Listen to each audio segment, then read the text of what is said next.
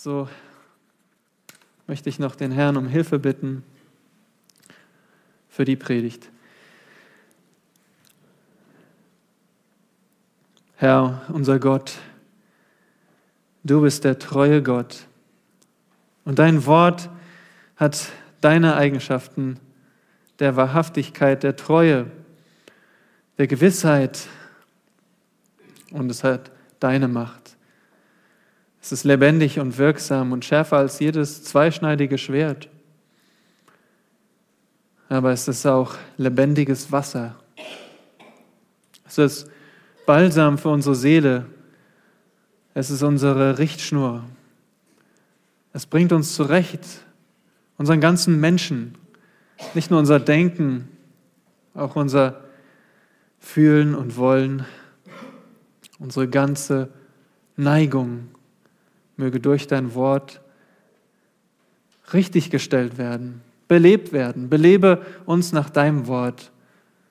Lieber Gott und Vater, und bitte gib du mir Gnade zu wissen, wie ich reden soll. Da wir nun vor dein heiliges Wort treten. Amen.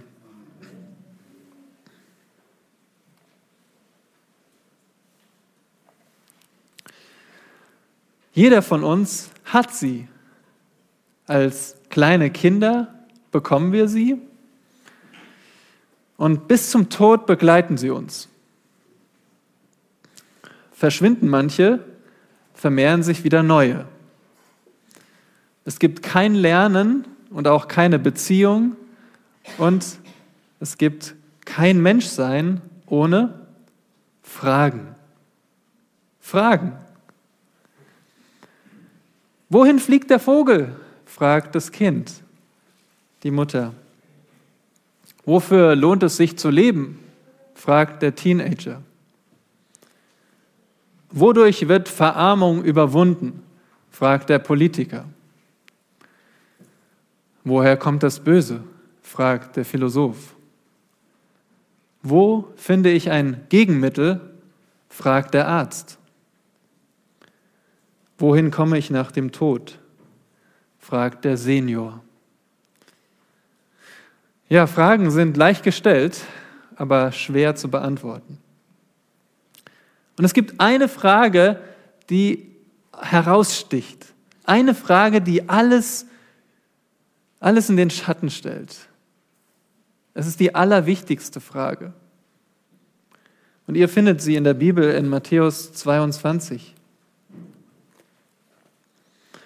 Hier in Matthäus 22 finden wir viele Fragen an den Herrn Jesus Christus.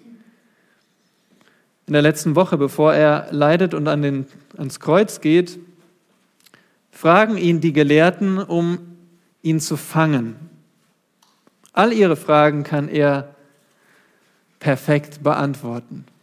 Und jetzt kommt es an den Herrn Jesus, eine Frage zu stellen, die über allen Fragen steht.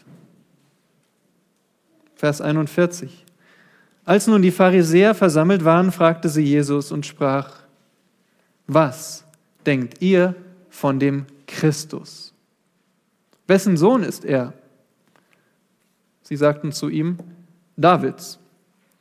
Er spricht zu ihnen, wieso nennt ihn denn David im Geist Herr, indem er spricht, der Herr hat zu meinem Herrn gesagt, setze dich zu meiner Rechten, bis ich deine Feinde hinlege als Schemel für deine Füße.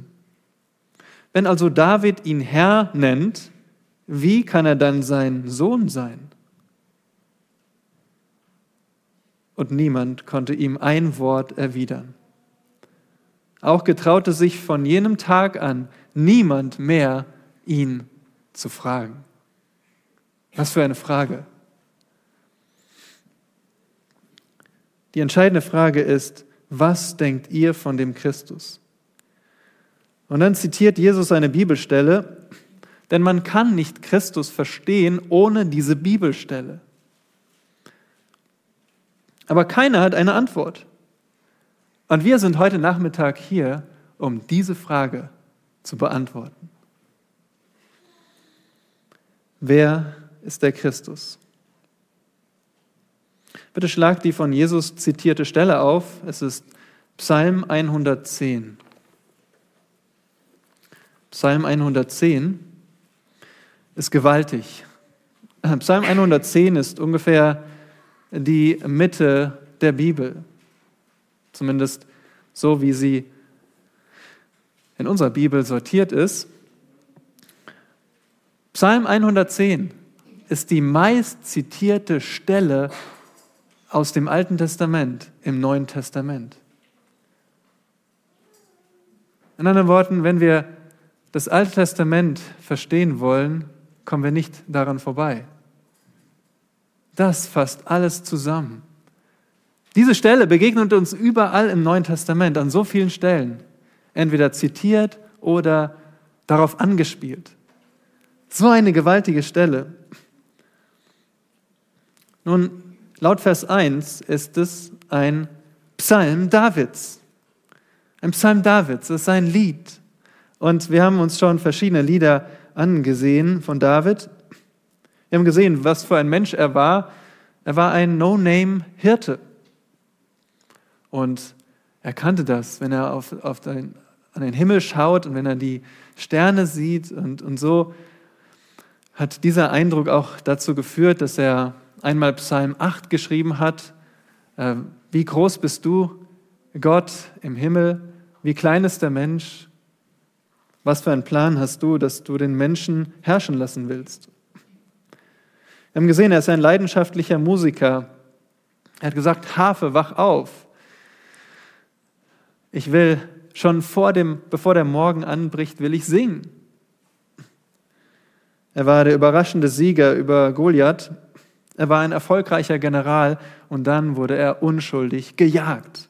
Wir haben gesehen, wie David in der Klemme gebetet hat, Psalmen geschrieben hat, wie zum Beispiel Psalm 57. Und dann haben wir Psalm 30 uns angesehen, wo David sehr vermutlich schon König war und wo er zur Einweihung des Hauses ein Lied geschrieben hat.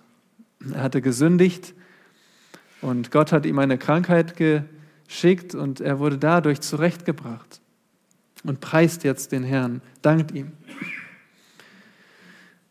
Nun heute kommen wir zu einem Psalm, den David auch sehr wahrscheinlich als König von Israel geschrieben hat. Er war mittlerweile König, er hatte die Bundeslade nach Jerusalem gebracht und wir wissen nicht, in welcher Situation er diesen Psalm schreibt. Ihr seht, dort steht ein Psalm Davids, mehr nicht. Aber wir wissen aus dem Text, es war direkte Offenbarung von Gott. Der Text beginnt mit Yahweh sprach, ein Ausspruch Gottes. Und diese direkte Offenbarung baut auf dem Bund mit David auf. Und darum haltet den Finger bei Psalm 110 und schlagt mal auf in 2 Samuel 7. Als König hat David in seinem großen Haus gesessen und, und sich Gedanken gemacht darüber, dass er doch in einem Haus wohnt, aber Gott, seine Lade, wohnt unter Teppichen. Und so hatte David vor, Jahwe Gott ein Haus zu bauen. Und der Prophet Nathan wurde zu ihm geschickt, um Gottes Wort weiterzugeben. Gewaltige Worte, die wir in Vers 8 sehen. Da heißt es, so sprich nun zu meinem Knecht David, so spricht Jahwe der Herrscher. Ich habe dich von der Weide hinter den Schafen weggenommen, damit du Fürst würdest über mein Volk, über Israel. Und ich bin überall mit dir gewesen, wohin du gegangen bist, und habe alle deine Feinde vor dir her ausgerottet und dir einen großen Namen gemacht, gleich dem Namen der Gewaltigen auf Erden. Und ich werde für mein Volk Israel einen Ort bereiten und werde es einpflanzen, dass es dort bleiben und nicht mehr beunruhigt werden soll. Und die Söhne der Bosheit sollen es nicht mehr bedrängen wie zuvor. Seit der Zeit, als ich Richter über mein Volk Israel eingesetzt habe. Und ich habe dir vor allen deinen Feinden Ruhe verschafft. So verkündigt dir nun Jahwe, dass Jahwe dir ein Haus bauen wird.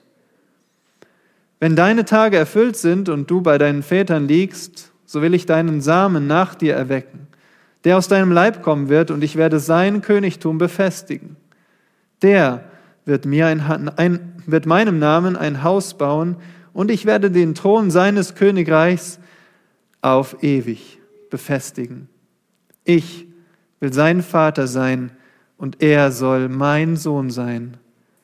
Wenn er eine Missetat begeht, will ich ihn mit Menschenruten züchtigen und mit Schlägen der Menschenkinder strafen. Aber meine Gnade soll nicht von ihm weichen, wie ich sie von Saul weichen ließ, den ich vor dir beseitigt habe, sondern dein Haus und dein Königreich sollen ewig Bestand haben vor deinem Angesicht. Dein Thron soll auf ewig feststehen. Soweit das Wort an David. David hat verstanden, er war nicht nur ein König von vielen, sondern sein, aus seinen Nachkommen würde ein König kommen, der ewig regiert. Das ist, was was wir den Bund mit David nennen. Ein ewiges Königreich durch Davids Nachkommen. Das wusste David. Ich bin überzeugt, er wusste es auch, als er diese Offenbarung bekam, die wir Psalm 110 nennen.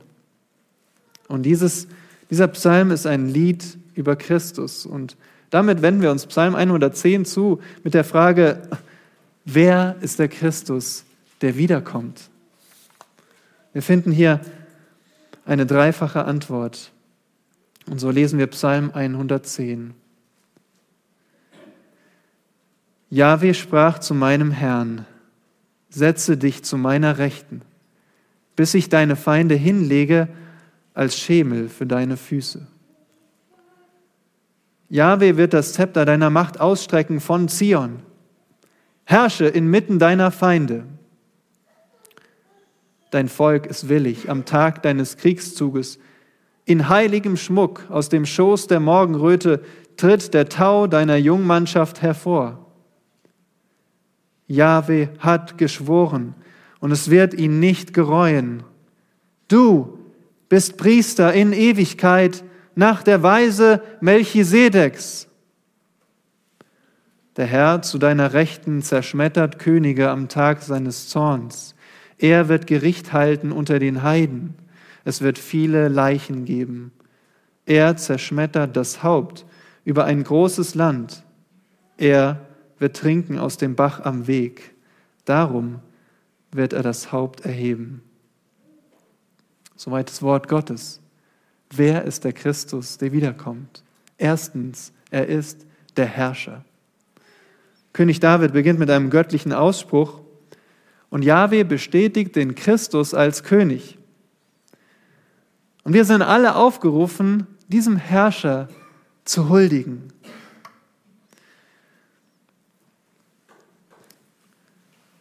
Wörtlich heißt es also Ausspruch Jahwes. Das ist eine Formel, die die Propheten benutzten. Also David spricht hier wie ein Prophet im Alten Testament. Direkt das Wort Gottes. Und er spricht, Jahwe sprach zu meinem Herrn. Im Deutschen hier, der Herr in Großbuchstaben sprach zu meinem Herrn, kleingeschrieben. Aber eigentlich heißt es, Jahwe sprach zu meinem Herrn. Sind zwei Personen, zwei Personen. Jahwe ist sein heiliger Name laut Psalm 103. Er ist der Heilige, der absolut vollkommen ist, der erhaben ist über der Schöpfung, der rein ist von aller Sünde. Jahwe sprach zu meinem Herrn. Wer ist dieser Herr? Jahwe kennen wir, aber wer ist dieser Herr?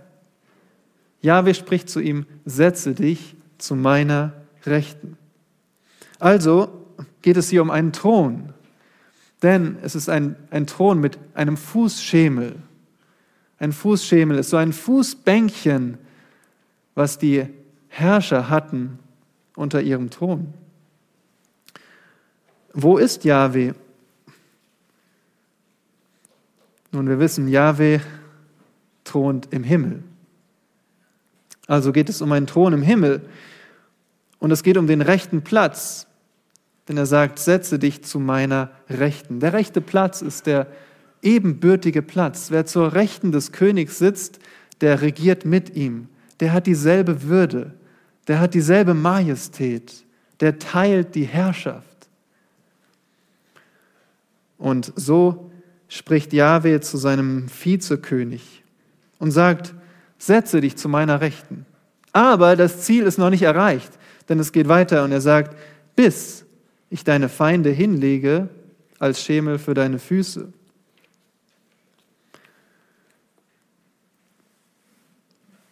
Jahwe und der Herr regieren zusammen, aber der Herr wartet auf die Zeit, wenn die Feinde völlig unterworfen werden. Die Feinde widerstehen ihm jetzt noch.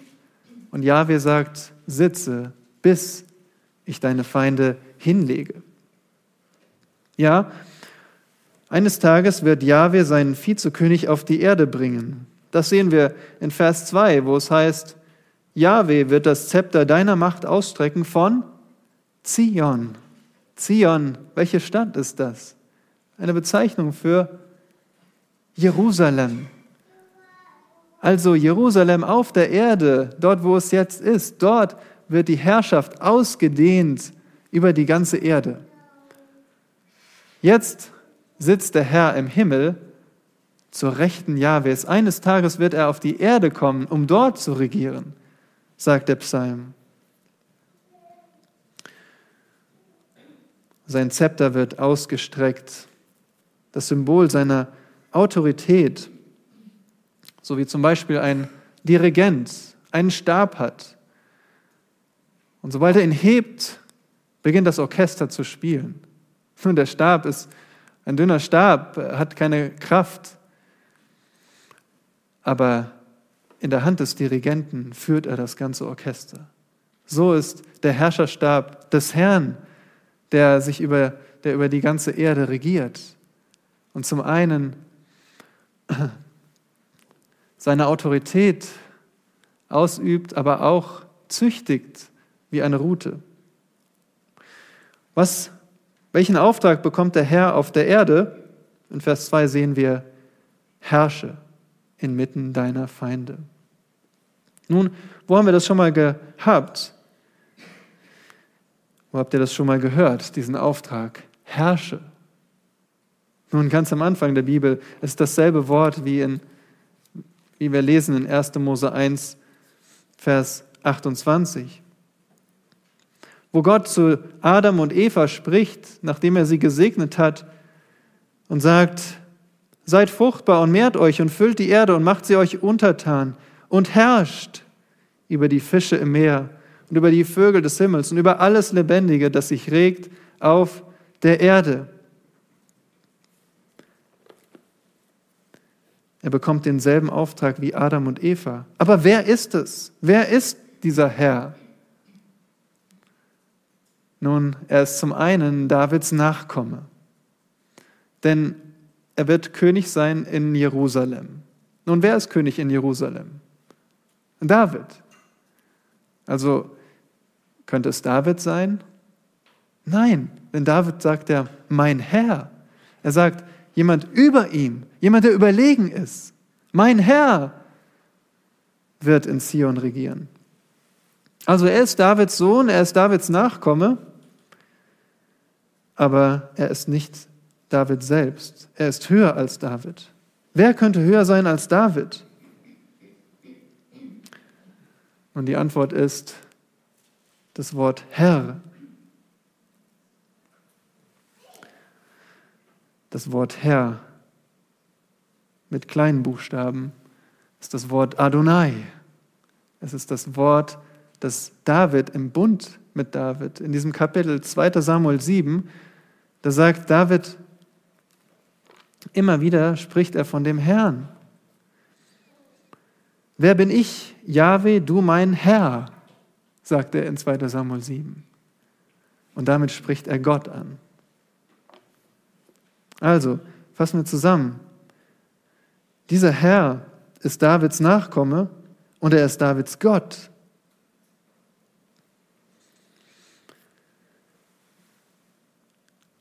Und zu ihm sagt er, herrsche inmitten deiner Feinde.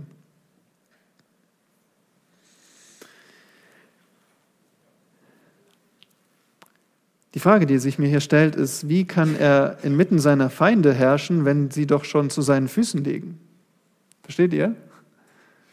Erst sagt er, setze dich, bis ich deine Feinde unterwerfe. Und dann sagt er, herrsche inmitten deiner Feinde. Wie geht das?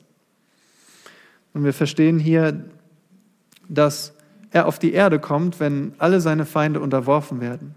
Und dann herrscht er auf der Erde und neue Feinde kommen empor. Neue Feinde stehen auf. Aber er thront darüber. Er herrscht selbst über seine neuen Feinde. Und so haben wir in Vers 1 gesehen den Thron des Herrn.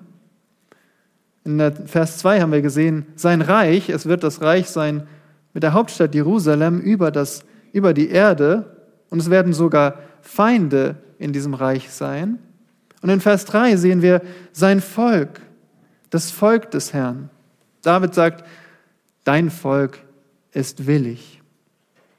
Dieses Wort willig bedeutet wörtlich freiwillig, Freiwilligkeiten. Es ist das Wort für freiwillige Opfer des Volkes Israel. Was für ein schöner Begriff dafür. Er beschreibt das Volk als, als freiwillige Opfer, als Menschen, die sich freiwillig dem Herrn hingeben. Sie sind nicht gezwungen. Sie wurden nicht geködert durch irgendetwas. Sie wurden auch nicht bestochen. Nein, sie wollen. Sie wollen ihm folgen. Sie wollen ihm dienen. Sie wollen in sein Reich. Und schaut einmal, sie sind bereit gemacht worden, denn sie sind willig in heiligem Schmuck. Das ist der, der Begriff für das für die Kleidung der Anbeter im Psalm 29. Sie sind bekleidet, ja tatsächlich bekleidet mit Kleidern, die heilig sind. Priesterliche Kleider. Aber nicht nur das, sie sind nicht nur äußerlich reingewaschen und innerlich böse, nein, sie sind auch innerlich rein und heilig, mit heiligem Charakter. So ist das Volk dieses Herrn. Sie sind keine Heuchler.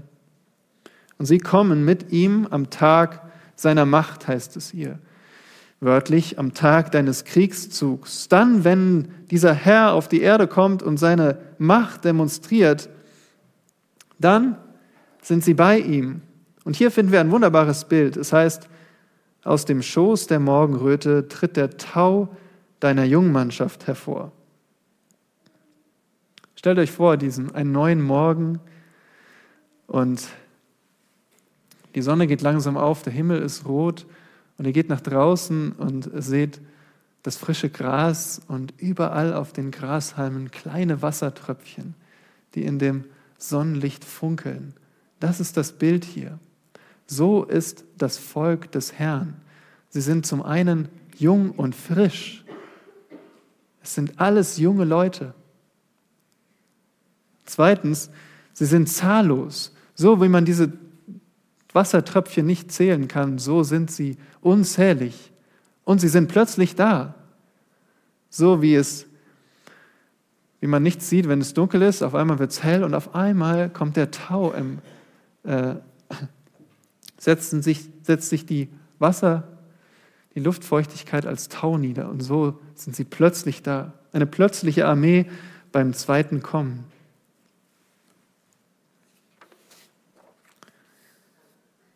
Nun, wer ist denn dieser Herrscher? Wer ist dieser Herrscher mit seiner Armee an heiligen jungen Menschen? Es ist derselbe König wie im Psalm 2. André hat uns das hier gepredigt vor Wochen. Psalm 2.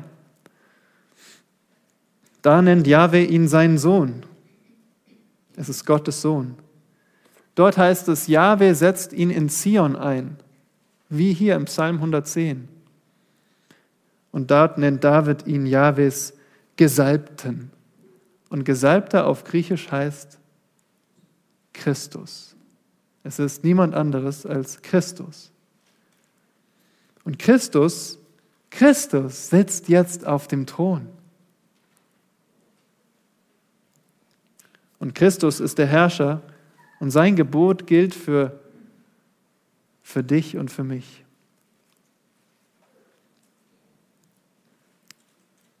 Und wir haben nur eine logische Pflicht, ihn zu verehren. Die Frage ist, wie tun wir das? Vielleicht ist für dich das neu zu hören, Christus ist jetzt mein Herrscher. Nun, dann hast du schon sein Gebot gebrochen, ihn überhaupt zu kennen und zu lieben. Aber selbst die wir ihn kennen, wir kennen seine Gebote. Und wie häufig haben wir sein Gebot gebrochen? Wir haben selbst entschieden, was gut ist für uns. Und in dem Moment haben wir die Herrschaft des Christus abgelehnt. Und wir können es nie wieder gut machen. Wo gibt es Hoffnung für uns, die wir Christus nicht ehren, wie wir sollen, die wir sein Gebot gebrochen haben? Die Antwort ist zweitens der Priester. Wer ist der Christus, der wiederkommt? Zweitens, er ist der Priester in Vers 4. Jetzt in der Mitte des Psalms erreichen wir den Höhepunkt. Mit einem Schwur bekräftigt Yahweh seinen Christus. Und diesem Priester kann man nur dankbar nahen. Schau dir mal in Vers 4. Zum dritten Mal spricht hier Yahweh. Und er erhebt seine Stimme zum Schwur. Ein Schwur ist, wenn man eine höhere Macht anruft. Aber Gott kann keine höhere Macht anrufen, denn er ist schon der Höchste. Also gibt er diesen Schwur um unseretwillen, um zu zeigen, wie sicher sein Wort ist. Ja, wir schwört hier um der Menschen willen. Aber damit nicht genug. Er sagt sogar, und es wird ihn nicht gereuen. Wörtlich, es wird ihn niemals gereuen. So sicher ist das, was hier gesagt wird. Er wird es sich niemals anders überlegen. Er wird es niemals widerrufen. Was jetzt kommt, ist absolut sicher. Vers 4. Du bist Priester in Ewigkeit nach der Weise Melchisedeks. Du, ist hier betont. Du. Aber wer ist dieser Angesprochene? Es ist derselbe wie in Vers 1. Es ist der Herr. Jahwe spricht zu dem Herrn, zu Christus.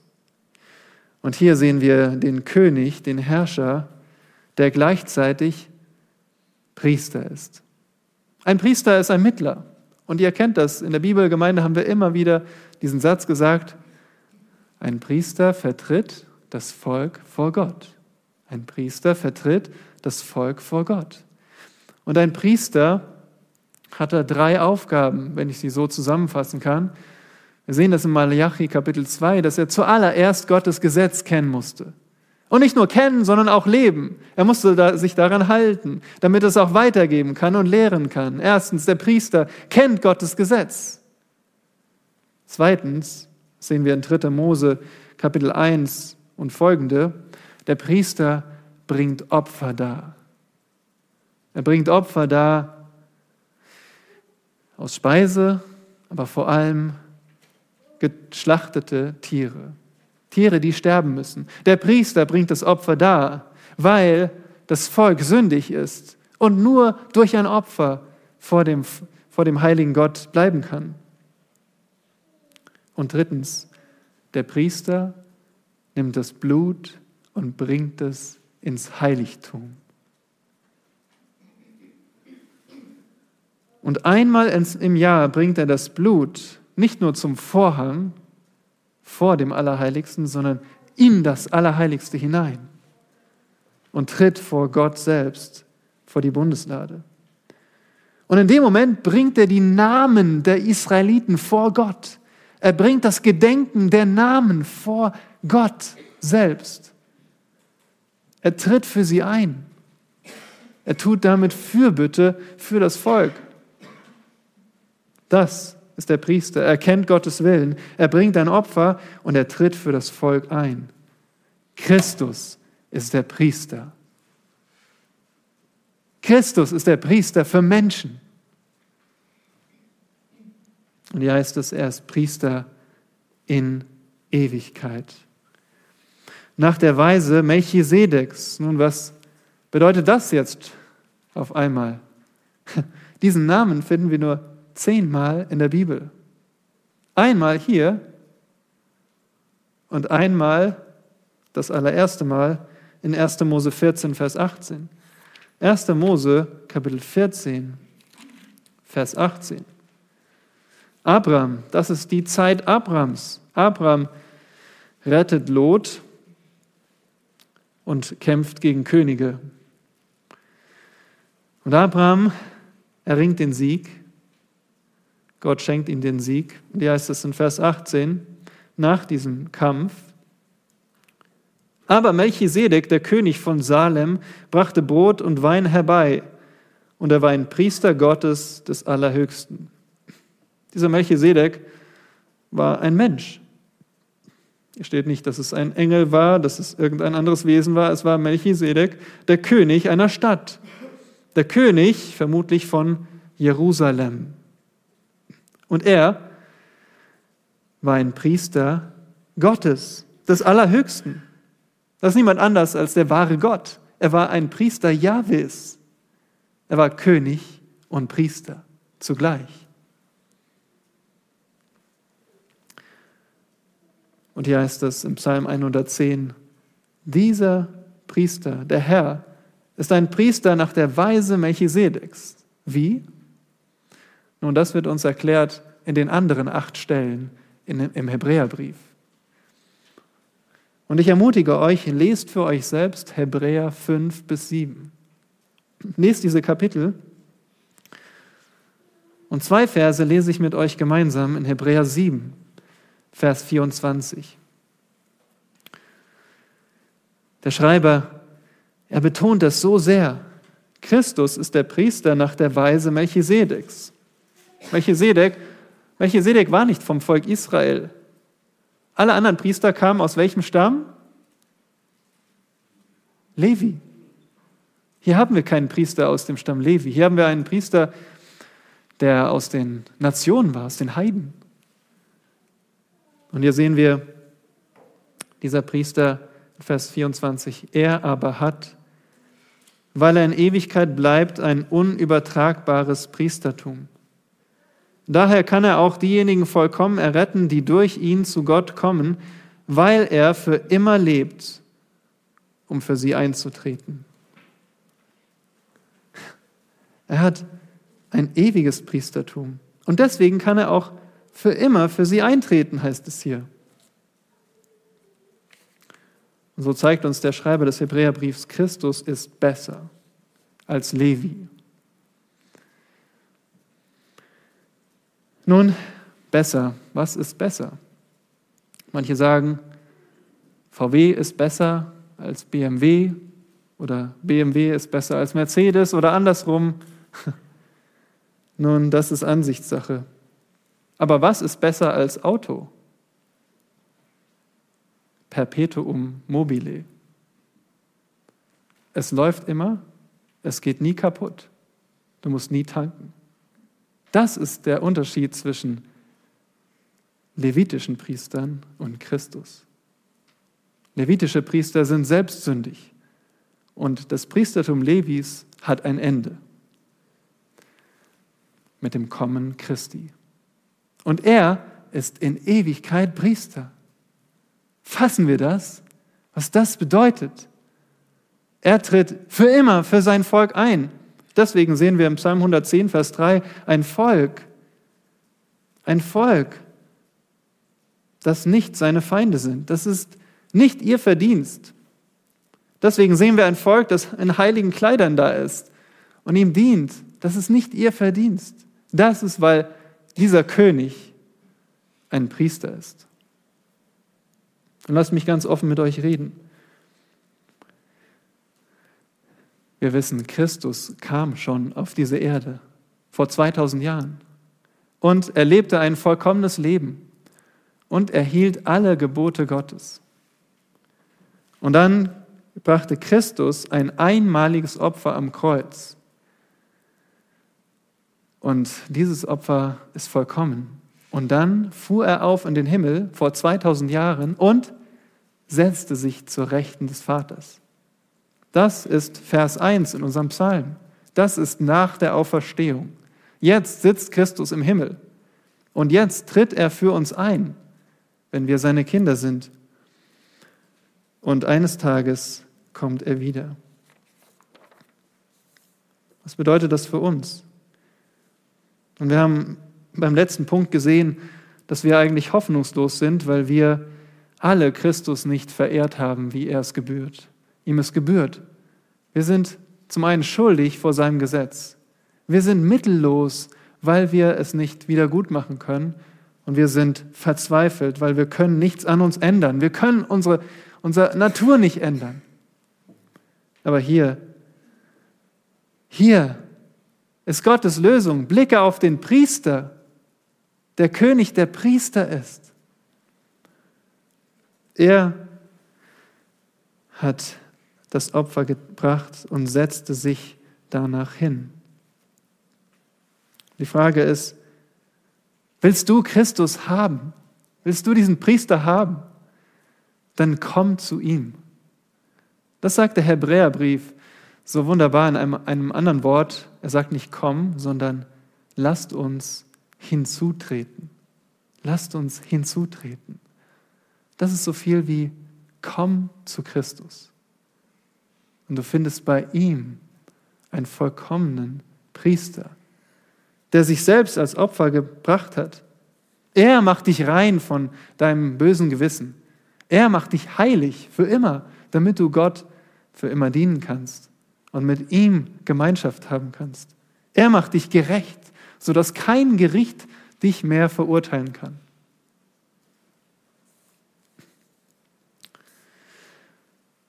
Komm zu Christus. Aber warum ist das so dringend? Warum, warum ist das überhaupt dringend? Das ist unser dritter Punkt. Wer ist Christus? Drittens, der Richter. In den Versen 5 bis 7.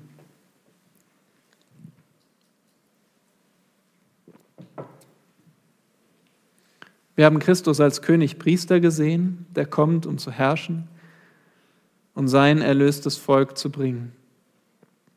Aber zum Schluss sehen wir ihn jetzt als Richter seiner Feinde.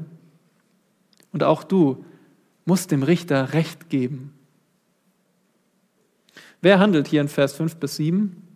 Das heißt in Vers 5 der Herr. Und dann in Vers 6 er, er. Vers 7 er, er. Es ist also der Herr. Und er ist derselbe auch in Vers 7, jemand, der aus dem Bach am Weg trinkt. Was sagt uns das? Dieser Herr ist Mensch, denn nur ein Mensch trinkt. Und darum verstehe ich unter dem Herrn auch hier den Christus. Und damit spricht David zu Jahwe, dem Vater, und sagt, Vers 5, der Herr zu deiner Rechten, Jahwe, zerschmettert Könige am Tag seines Zorns. Wir sehen hier Christus, der als Richter wiederkommt auf die Erde, um Gericht zu halten. Und sein Gericht ist gründlich und es ist vollständig. Und sein Gericht erstreckt sich über drei verschiedene Parteien. Drei Parteien. Die erste Partei sehen wir in Vers 5. Er zerschmettert Könige. Er ist der allerhöchste König und er duldet keine Rivalen. Alle seine Rivalen sind Könige, die sich auflehnen, lesen wir im Psalm 2, Vers 2. Diesen Psalm haben wir schon ausgelegt bekommen und wir verstehen ihn hier parallel, auch ein Psalm Davids. Da heißt es, die Könige der Erde lehnen sich auf. Diese Könige zerschmettert der Christus an seinem Tag des Wiederkommens. Durch den Zorn des Herrn. Die zweite Partei sehen wir in Psalm 110, Vers 6. Er wird Gericht halten unter den Heiden. Hier sehen wir die Nationen aus Psalm 2, Vers 1. Warum toben die Heiden und ersinnen die Völker Nichtiges? Es sind Heiden, die rebellisch sind, die Pläne machen, Pläne aushecken, wie sie den Herrn überwinden, aber sie sind, es ist zwecklos.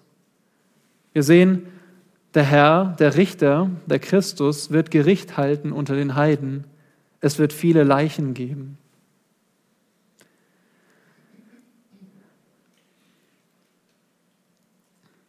Wörtlich heißt es hier erfüllt mit Leichen. Aber es ist gar nicht gesagt, was gefüllt wird. Es ist so kurze Sprache, weil es so schwerwiegend ist, weil es uns so in Mark und Knochen gehen muss. Dieser Herr Christus kommt wieder und erfüllt ein ganzes Schlachtfeld mit Leichen. Und drittens, die dritte Partei, die er besiegt und richtet, finden wir in Vers 6 am Ende. Er zerschmettert das Haupt über ein großes Land. Wer könnte das sein? Nun, es könnten alle Führer zusammengenommen sein, dass alle Präsidenten und Könige der Erde zusammen gemeint sind, dass sie wie eine Person, wie ein Haupt gesehen werden. Aber dagegen spricht, dass wir schon gesehen haben, dass die Könige in Vers 5 zerschmettert werden. Wer könnte es sein? Wo haben wir schon mal gelesen von einem Haupt, das zerschmettert wird? 1. Mose 3, Vers 15. Und die Zeit fehlt mir jetzt. Ähm, das hat ein Joe Sakiewicz sehr gut aufgezeigt, dass es viele Bezüge zwischen 1. Mose 3, Vers 15 und Psalm 110 gibt im Hebräischen. David hatte diesen Vers vor Augen, wo Gott sagt zu der Schlange, und ich will Feindschaft setzen zwischen dir und der Frau, zwischen deinem Samen und ihrem Samen. Er, der Same der Frau, wird dir, der Schlange, den Kopf zertreten, und du, Schlange wirst ihn in die Ferse stechen. Wer ist das Haupt im Psalm 110? Nun, es ist der Anführer, der Anführer der ganzen Rebellion, der von der Schlange, von Satan selbst angetrieben wird. Diesen wird Christus vernichten. Und hier sehen wir, dieser Psalm, der geht nicht nur um irgendeine politische Sache auf der Welt. Nein, dieser Psalm stellt uns die Lösung die finale Lösung vor über alles Böse. Christus triumphiert nicht nur über Politiker und über Könige auf der Welt. Nein, das Problem ist viel größer. Das Problem ist geistlich, kosmisch. Wir sehen es gar nicht, weil um uns herum überall Dämonen sind und der Höchste ist Satan. Es ist ein geistlicher Kampf, den Christus besiegt. Ein geistlicher Kampf, den Christus, in dem Christus triumphiert. Er zerschmettert das Haupt. Und das ist hier so ausgedrückt, als wäre es schon geschehen. Er hat es schon zerschmettert in den Worten von David, obwohl es noch in der Zukunft ist. So sicher ist es. Und schließlich Vers 7. Er wird trinken aus dem Bach am Weg. Und hier sehen wir den Richter als wahren Mensch. Er trinkt. Er erfrischt sich.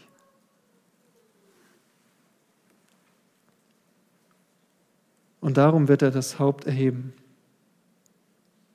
Das Haupt erheben bedeutet, wie wenn, wir kennen das auch, wer niedergeschlagen ist oder wer sich schuldbewusst ist, der senkt das Haupt. Dieser Richter hebt das Haupt. Er hat nichts zu befürchten. Er hat sich nichts vorzuwerfen. Er hat alles richtig gemacht. Er verdient die Ehre. Er ist absolut gerecht. Das ist unser Herr. Er hält sich nicht die Augen, Hand vor die Augen und sagt, oh, ja, ich muss das ja tun, aber es ist eigentlich nicht richtig, so viele Leichen. Nein. Wir können es schwer nachempfinden, weil unsere Emotionen, unser Denken, alles ist durch die Sünde getrübt. Aber das, was der Herr hier tut, ist absolut gerecht. Er ist absolut gerecht. Und deswegen stellt uns das die Frage,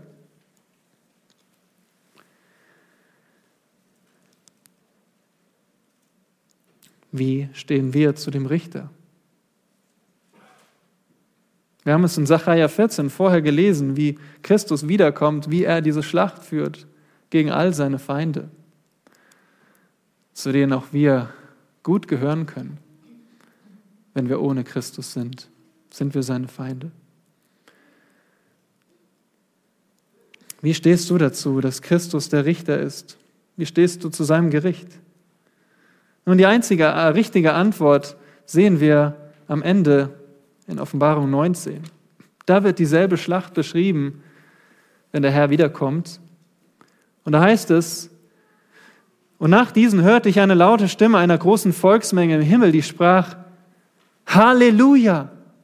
Das Heil und die Herrlichkeit und die Ehre und die Macht gehören dem Herrn, unserem Gott denn wahrhaftig und gerecht sind seine Gerichte. Das sagen Menschen befreit von aller Sünde. Und das werden auch wir sagen, wenn es soweit ist. Gerecht sind deine Gerichte. Du bist absolut gerecht. Halleluja, dass du über das Böse triumphierst.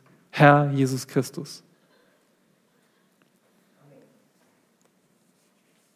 Das kann nur, wer Christus glaubt. Und deswegen lasst mich zu euch sprechen, die ihr an den Herrn Jesus Christus glaubt. Ihr findet hier in diesem Psalm Trost. Trost darin, dass jetzt in diesem Moment der Herr Jesus Christus regiert und herrscht über alle Dinge. Er sitzt. Und dass es das Böse gibt, hat einen guten Grund, den nur Gott kennt. Seine Ehre ist sein höchstes Ziel. Und deswegen gibt es noch seine Feinde. Deswegen wird es auch seine Feinde geben, selbst wenn er von Zion regiert. Tröste dich darin, dass Christus herrscht und dass er es eher richtig macht. Wir finden auch hier eine Ermutigung in diesem Psalm, die Ermutigung, zu Christus zu kommen. Lasst uns hinzutreten, ist nicht nur ein Aufruf zur Umkehr, zur Bekehrung, sondern ein Aufruf an uns Gläubige. Lasst uns jeden Tag, in jedem Moment hinzutreten zu dem Priester. Er betet jetzt in diesem Moment für dich. Ist dir das bewusst? Lasst uns hinzutreten. Er kennt unsere Schwachheit. Und er hat sich verpflichtet, und Gott hat ihn verpflichtet, dass er in Ewigkeit unser Priester ist. Er wird niemals sagen, äh, jetzt habe ich genug davon. Nein, in dem Moment würden wir sofort ins Verderben fallen. Aber weil er ewig Priester ist, deswegen sei ermutigt. Und drittens finden wir hier im Psalm 110 eine Ermahnung an uns. Wir wissen, was kommt. Wir wissen, dass Christus wiederkommt und dass er als Richter kommt. Und darum lasst uns die Verlorenen warnen, warnen, dass sie, dass sie schuldig sind vor ihm und dass sie umkehren müssen. Und so lasst uns die Sünder aufrufen, lasst euch versöhnen mit Gott, solange es noch geht. Warum? Christus ist Herrscher. Wie? Wie können wir versöhnt werden? Durch Christus, den Priester. Und wann sollen wir uns versöhnen lassen? Jetzt. Denn er kommt als Richter. Amen. Vater im Himmel, du bist der heilige Gott, Yahweh. Und du bist auf dem Thron. Du hast deinen Sohn nach, deinem, nach dem vollbrachten Opfer zu dir gerufen und er ist bei dir. Und du regierst nach deinem vollkommenen Plan. Und du hast einen perfekten Grund, warum die Feinde noch bestehen. Du bist ein Gott der Gnade, denn solange es heute heißt, ist noch Zeit zur Umkehr. Vater, bitte erbarme dich über jede Seele unter uns, die noch nicht hinzugetreten ist zu deinem Sohn. Danke, Herr Jesus, dass du unser Priester bist, dass wir durch dich zu Gott kommen können und bei ihm bleiben können. Danke, dass wir eines Tages sehen, was wir jetzt glauben, dass wir dazugehören werden wie der Tau in einem, einer Jugendlichkeit, die für ewig währt. Danke, dass dann all unser Gebrechen und vor allem all unsere Sünde im Fleisch nicht mehr da ist. Danke, dass du uns davon befreist und dass wir befreit sind auch von der Sünde, die unser, unser Denken trübt. Herr Vater, so bitte, hilf uns nun mit diesem Text verantwortlich umzugehen, darüber nachzusinnen in der Woche, zu verdauen, was wir gehört haben, es nicht wegzulegen, sondern zu verarbeiten und darauf zu reagieren mit Anbetung, mit einer klaren Sicht auf die Welt, mit Glaube an dich und mit Gehorsam aus Liebe.